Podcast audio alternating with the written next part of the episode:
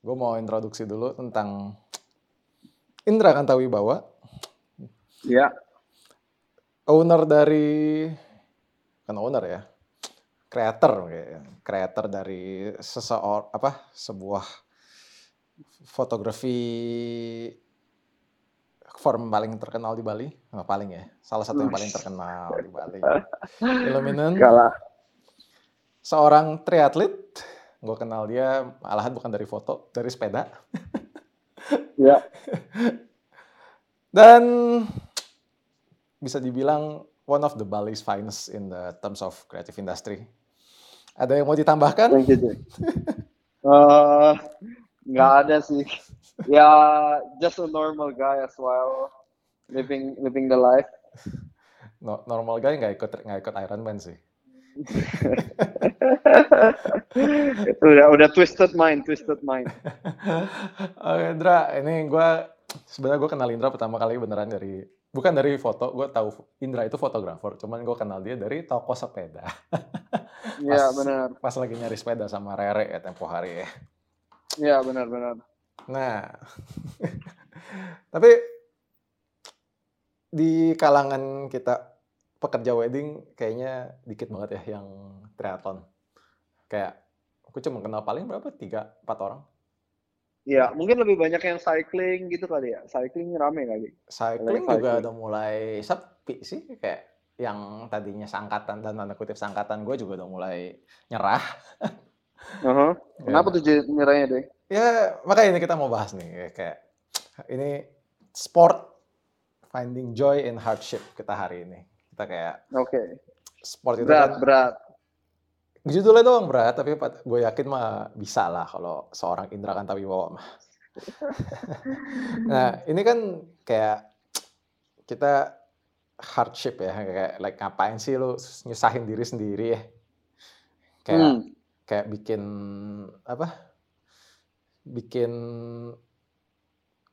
triathlon lah lari lari berapa 21 kilo. Eh ya lu, itu yang half. Ya lu udah lu lu udah Ironman deh. Sekali baru sekali. Cakep finish gak?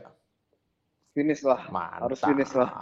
Dan nggak finish. Jadi kalau belum yang tahu tri, uh, triathlon, coba uh, boleh diceritakan sedikit perjalanan Ironman seorang Indra Kantawibawa? Um, jadi mungkin triathlon itu cabang olahraganya. Triathlon kan terbagi ya, disebut triathlon karena tri, uh, tiga cabang olahraga yaitu dimulai dari uh, renang, terus habis itu sepeda, terus lari. Mungkin di awal-awal bisa ambil ada beberapa kategori yang paling rendah itu sprint, terus ada Olympic distance, terus ada half Ironman, terus ada full Ironman. Kalau gue dulu awalnya dari yang Olympic itu renangnya uh, cuman satu setengah kilo, sepedanya 40, larinya 10. Tapi abis itu dua tahun ya, dua tahun setengah setelah gue pick up sport, dari pertama gue pick up triathlon sih gue udah yakin gitu, one day gue harus bisa nih conquer full Ironman terus akhirnya udah gue gue lakuin kalau yang itu sih renangnya 3.9 kilometer ya 3,8 eh 3,8 renangnya terus sepedanya 180 kilo larinya 42 gitu. mantap gitu. terus gila itu kan kayak gue nggak denger lari lebih dari 5 kilo aja gue udah sakit pala. Let alone people yang belum pick up sport sama sekali gitu. Nah, apa sih lu pilih triathlon kok demennya nyusahin diri sendiri sih, Dra? Jadi jadi kayak banyak teman-teman gue juga yang nanyain lo lo ngejar apaan sih gitu. What what are you chasing for gitu. Mungkin gue emang awalnya ya? escape gitu ya. Yeah. Awal awalnya gue pick up sportsnya kan emang basicnya gue pelak uh, suka lari. Jadi mungkin dari lari itu terus gue baru pick up sepeda. Um, pick up sepeda terus ya dulu gue juga suka berenang jadi mungkin the combination of three sports tuh gue emang udah suka dari dulu jadi gue kayak I just I just enjoy doing doing tiga sports ketiga-tiganya itu gitu ya. Uh-huh. terus kalau ditanya kenapa sih? Awalnya sih sebatas kayak I wanna get fit gitu kan kayak I wanna get fit gue mau jadi sehat. Soalnya kalau gue pikir ah kalau lu mau sehat kenapa lu nggak sekalian nge-gym aja? Kalau nge-gym kan badannya lebih keren gitu kan terus yang kayak sehat juga. Cuman gue pikir kayaknya I'm not really into gym gitu dan gue suka outdoor. Jadi gue pick up olahraga itulah. Terus setelah didalemin ternyata eh seru juga ya ternyata kayak strateginya disiplinnya komitmennya um, it's very interesting sih. Sangat-sangat apa ya you have to sama mungkin kayak foto gitu ya, you have to be really passionate about the thing you're doing. Lo baru mau ngelakuin. Kalau setengah-setengah sih udah pasti halfway quit gitu kali ya. Cakep banget sih. Gua baru mau nanyain kayak how does the this kind of like hardship and thing connected to your food to your to your apa to your journey in art gitu ya karena ini kan yeah. kayak beberapa orang yang mana mungkin berpikir kayak apa hubungannya sih lu fotografi wedding uh, atau mungkin like creative industry in general dengan sport gitu kan yang kayak secara yeah. kita, di sport itu kita kayak dalam tanda kutip nyiksa diri. Well di creative industry yep. juga kita nyiksa diri sih cuman in a different way. Yes perhaps perhaps among uh, the key is to be passionate about whatever we are doing gitu kali ya. So that jadi in every aspects of life we have to be really passionate about whatever we're doing either it's our hobby our work atau yang kayak hidup kita atau apa pun itulah. I mean we can find art in everything gitu. Even in sports menurut gue sih kayak this hardship in the sport is an art juga gitu. Like it evoke something within you that you've never know you have gitu ya. Nah um, kalau gue lihat ya ya kayak like ya kok pernah ikut triathlon sekali dan gue kayak like what the fuck this is. Sport uh -huh. gitu kayak agak susahnya itu ketika lu latihan itu lu harus kayak finding joy gitu kan. Karena kalau lu nggak finding the joy in the hardships lu bakal tiba-tiba tengah jalan aduh baru baru mau pakai sepatu aja udah males. Apalagi ya, kayak lu bangun pagi lu lu pasti subuhan dong kan. Kok nggak mungkin lu latihan triathlon jam 12 siang gitu kan. Iya. Ya kan lu pasti bangun subuh jam 4 jam 5 pagi itu kayak how to find your joy in those such kind of hardships kalau menurut lo I think uh, finding joy in that particular hardship to through knowing that every day you have progress over your capacity ya. Uh, jadi kita tahu setiap hari fitness levelnya improve gitu. Cuman selain itu sih sebenarnya emang kalau dipikir-pikir sih kedengarannya aneh gitu. Biasanya gue habis sports, I feel so alive. Mungkin karena apa tuh namanya uh, the the happy juice yang di otak tuh biasanya habis olahraga kan endorphin. Endorphinnya kan keluar tuh biasanya habis kita olahraga. Jadi gue happy aja gitu biasanya. So that the joy is actually during the sports sama setelah sports. Tapi gimana cara nyari joy-nya itu mungkin karena gue tahu nih kalau gue ngelakuin ini, gue bakalan improve. Tapi selain itu juga waktu ngelakuin itu gue juga seneng, especially when you ride a bike gitu ya. Gimana sih kayak waktu kita kecil naik sepeda terus bisa jalan gitu kayak shh, and then you can feel the wind, you can feel your body apa namanya sweating. Terus kalau lagi lari bisa kayak lari with a good tempo nggak ngerasa kesusahan, nafasnya enak. I mean, those are feelings yang kayak bener-bener you can feel so alive at at a certain part of your life gitu ya. Especially waking up in the morning, ngelihat matahari terbit, orang-orang masih pada tidur lo udah ngelihat matahari terbit. Itu kayak experience yang nggak bisa lo dapatkan dengan cara lain menurut gue gitu ya hashtag while you were sleeping. Iya iya iya. 6 a.m. club. 6 a.m. club. Kalau di Jakarta 5 a.m. 5 a.m. 5 a.m. kalau di Jakarta. Nah, uh, tadi kan gitu. Kalau misalnya lu dengan kapasitas industri kita yang sekarang, ya as you know kita kan lagi pandemic, uh, lo wedding juga pada di postpone ya? Iya benar. Di Bali kan. Ini kayak how did you find your joy during this time, man? Through my photography life or through life in general. Life in eh, fotografi kita bahas life in fotografi dulu deh karena kayaknya kan lu udah, lu terakhir pegang kamera buat kerja kapan bro?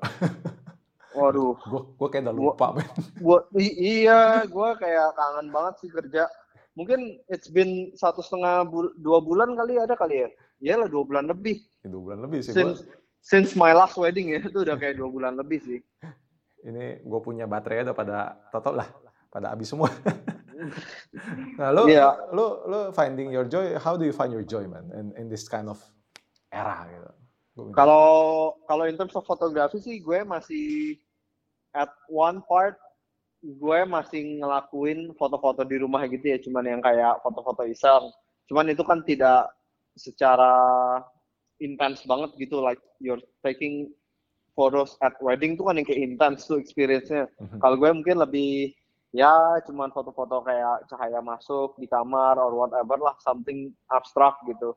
Tapi other than that, gue juga spend time belajar lagi, ikutin online workshops, siapa pun itu terus gue juga I also give workshops jadi gue percaya kalau gue share ide gue gue juga bisa belajar dari orang lain gitu kan. Sama selain itu juga gue spend time doing research about like world best photographer. Let's say siapa lah itu yang kayak Saul Leiter terus si William Eggleston whatever lah. Itu gue lihat-liatin lagi. Jadi gue merasa termotivasi lagi gitu. Nggak mati apinya. Um, so that you still passionate about this photography thing gitu ya Jay. Ya jadi intinya kita tetap harus training ya kita punya kreatif sense-nya kita ya. Iya, exactly, bener banget sih. Saya mirip kayak sekarang kalau mau conditioning in triathlon kayak sepeda gue udah loyo banget karena udah lama nggak latihan. Lo uh -huh. gimana men kalau triathlon lo?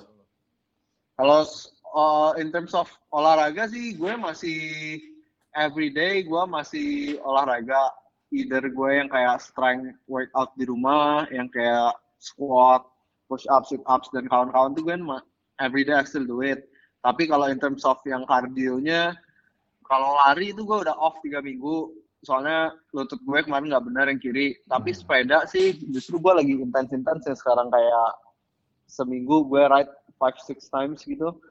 Um, ya emang gue tetap masih keluar walaupun gue akan dijudge oleh netizen tapi tapi gue keluar biasanya in a very small group kalau nggak gue sendiri terus gue pakai masker juga jadi menurut gue sih gue nggak ketemu siapa-siapa juga so it's it's safe gitu Ya yeah, actually, actually sebenarnya uh, it's kind of like recommended being outdoor sih. Kayak, yang penting asal lo social distancing kan. Jadi nggak yeah. nongkrong-nongkrongnya itu yang bikin bahaya.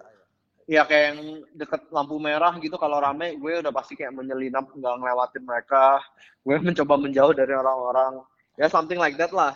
We do our part at social distancing gitu. Iya dan memang ya gue juga mulai keluar ini sih karena tapi gue gue beneran salut man lu kayak orang-orang tri itu bisa kayak indoor cycling bisa sampai kayak tiga empat jam gitu kayak like what itu itu itu by by the time lo udah jump to indoor indoor trainer.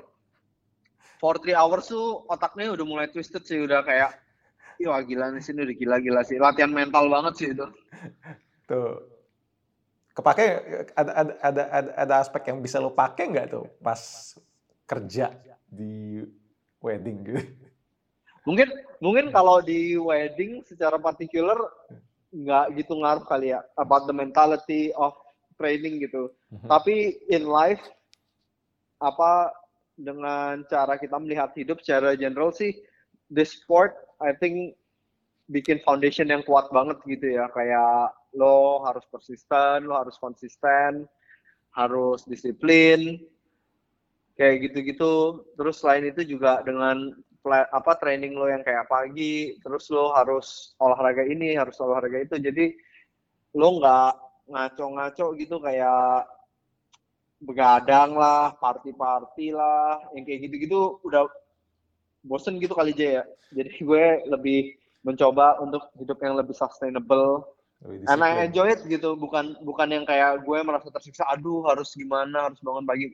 But instead gue merasa oh it's so nice to be able to wake up in the morning, terus bisa olahraga, bisa pulang, and then do the things that you want afterwards, kayak gitu-gitu ya.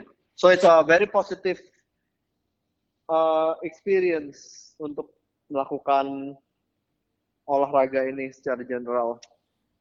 Nah, gue boleh tanya yang agak lebih berat nggak kalau misalnya untuk ke depannya apa nyambungin topik yang tadi nih? Boleh dong. Oke, okay, so menurut lo happiness itu apa sih? Karena hmm. nanti kan lo bilang kayak like fight, apa lo bangun pagi, lihat sunrise, lihat apa segala macam kayak ketika lo achieve that PR on Strava gitu kayak like what's your happiness man? Uh, I menurut gue happiness itu it's a state of mind ya. Mm-hmm. It's not uh, it will never be a destination, tapi itu adalah sebuah perjalanan, tapi dan juga a state of mind. Jadi mungkin ada beberapa orang happy kalau dia udah bisa beli mobil Mercy atau misalnya gue udah sampai Everest atau gue udah bisa ke New York and shoot a wedding there gitu. Tapi menurut gue sih itu happiness yang tidak yang semu-semu gitu. Mm-hmm. Tapi menurut gue, my own definition of happiness is that when I feel enough of what I have right now gitu. Jadi kadang-kadang yang kayak tadi gue bilang gitu, my happiness is made up of small moments dari kehidupan gue sehari-hari.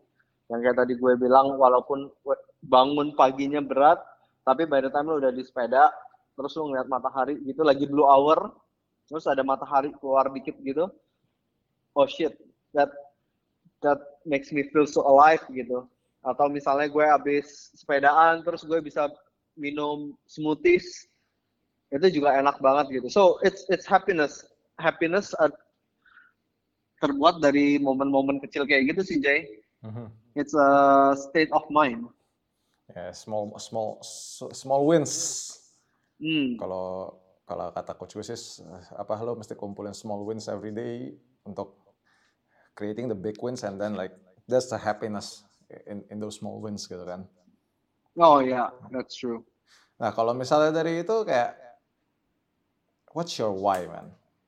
Why you do this? Why I do why you do triathlon? Why you do wedding? Like what's your big why? Um, That's a good question actually. Sebenarnya kalau gue lihat untuk menemukan why ini, gue harus review hidup gue kemarin ke belakang gitu ya, like 10 years back or like 15 years back. Jadi kemarin pas banget tuh adik gue lagi di meja makan terus dia nanyain gue, uh, hey, do you think you you ever thought yourself is gonna be you right now? di zaman dulu gitu. Jadi dia udah dia nanya gue kayak lo yang sekarang ini pernah nggak lo pikirin lo akan menjadi diri lo yang sekarang ini? Terus gue secara langsung gue bilang in terms of work fotografi itu sebenarnya gue udah mungkin nggak secara clear gue mengatakan diri gue akan menjadi seorang wedding photographer. But gue percaya saat di satu titik pada saat gue kecil tuh gue pernah melihat diri gue menjadi seorang fotografer gitu. Karena gue emang dari kecil suka ngeliatin foto dan gue suka apa namanya pada saat orang-orang lain anak-anak lain ngeliatin foto atau seni cuma lewat gitu aja biasanya gue spend time looking at arts. So why I'm doing the things that I'm doing right now is because hidup gue ini sudah gue pikirkan dari dulu gitu Jaya. Mantap. Kayak sports juga kayak gitu. I've always loved sports dari gue kecil. Gue main basket, gue main um, berenang dulu juga. Ya emang gue tapi nggak berprestasi lah. But I've always been a big fan of sports gitu. Jadi sekarang gue pick up triathlon. Jadi semuanya dalam hidup ini menurut gue why itu ada garis merahnya dari kehidupan-kehidupan gue yang dulu gitu. And in the meantime, why I'm still doing this is because I still enjoy what I'm doing right now. My baseline is by the time I don't enjoy this anymore, okay, bye. I'll find something else gitu. Nah, gue ngelihat beberapa hari ini lo kayak ada satu program coaching menarik ya. Illumina One on One. Ya. Bisa ceritain dikit nggak tentang Illumina One on One? Illumina One on One sih basically uh, a space for everyone di wedding industry atau photographer in general from beginner to advanced untuk bisa nanya atau discuss everything dengan gue gitu. Gue juga Illuminan bukan company yang gede-gede banget, but at least I can, I hope I can provide a little bit of insights gitu ya. Kayak kemarin ada yang masih baru banget terus nanya how do you build a brand atau enggak gimana kita find our style, how do we find our inner voice and those kind of things. Jadi gue dengan adanya coaching ini gue sharing my insights about life as a photographer dan secara general gitu. Mantap. So, kalau misalnya bisa dilihat lo mau dalam beberapa tahun ke depan lo mau ada bikin impact apa ke society atau ke community sekitar lo? Um, that's good question. What I want, gue ingin membuat impact. Jadi impactnya itu menurut gue bisa dibagi dua. Ada impact yang kecil dan impact yang gede. Kalau impact yang kecil sih I'm still doing it ya. Dari pertama Illuminan ada sampai sekarang I'm still doing it. Is that gue mencoba untuk as cliche as it sounds dengan pekerjaan yang gue lakukan untuk memberikan sebuah wadah lah untuk semua bride and groom yang hire gue. So that by the time they look at their photos they're happy. Mm-hmm. those are small impact soalnya itu kan kayak personal satu-satu-satu.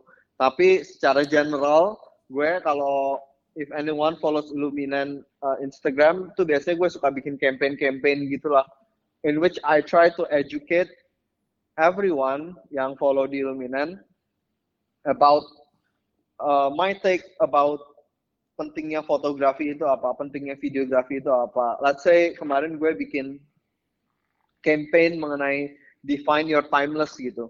Kayak banyak fotografer yang bilang, oh I'm I want to make timeless photographs well maybe everyone actually understand about timeless photograph tapi mungkin banyak juga yang terkecoh dengan tren gitu kan yang hmm. awalnya fotonya udah keren timeless eh kena tren jadi jadi mulai trying too hard gitu menurut gue itu salah satu contohnya atau nomor dua gue bikin um, how to stay fresh kayak gitu gitulah in creative creative industry jadi sih my bigger impact ke depannya gue ingin bisa mengedukasi lebih banyak orang gitu ya. Mungkin tidak secara langsung tapi secara pelan-pelan yang kayak gini Jay dengan hmm. cara publications and stuff.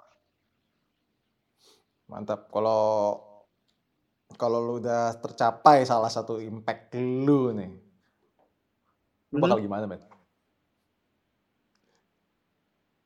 I think by the time I reach that, gue would have have a different agenda lagi gitu ya kayak kan manusia kan it's always about pushing the limits gitu kan kayak sebelum lo mencapai tujuan itu aja lo bakalan udah evolve lagi dengan tujuan lo ke depannya apa lagi gitu dan in the moment sih gue belum sampai kepikiran sampai situ but menurut gue sih by the time gue udah bisa mengeducate lebih banyak orang lagi mungkin bakalan ada banyak options lainnya yang bisa gue explore ya Mantap. So, how do we find you, man? How do you? How do people find me? Yeah. Um, everywhere. Instagram, Indra Kantawibawa. At Indra Kantawibawa. Yes, or at Illuminan for my uh, wedding works. Mm-hmm. Yeah. Or yeah, just DM me or whatever, reach me out. We can talk about everything. Mantap. Thank you, man. Thank you, Jay. Enjoy your day. You too. Stay yeah. safe. Stay home. Stay safe. Stay stay home lah. Kita bandel-bandel dikit lah. Yeah, but but but avoid people like like I always do. No, just kidding. okay, thank you, Dra, for thank your you, Jay. time. Yo, see you, man. Bye. Bye.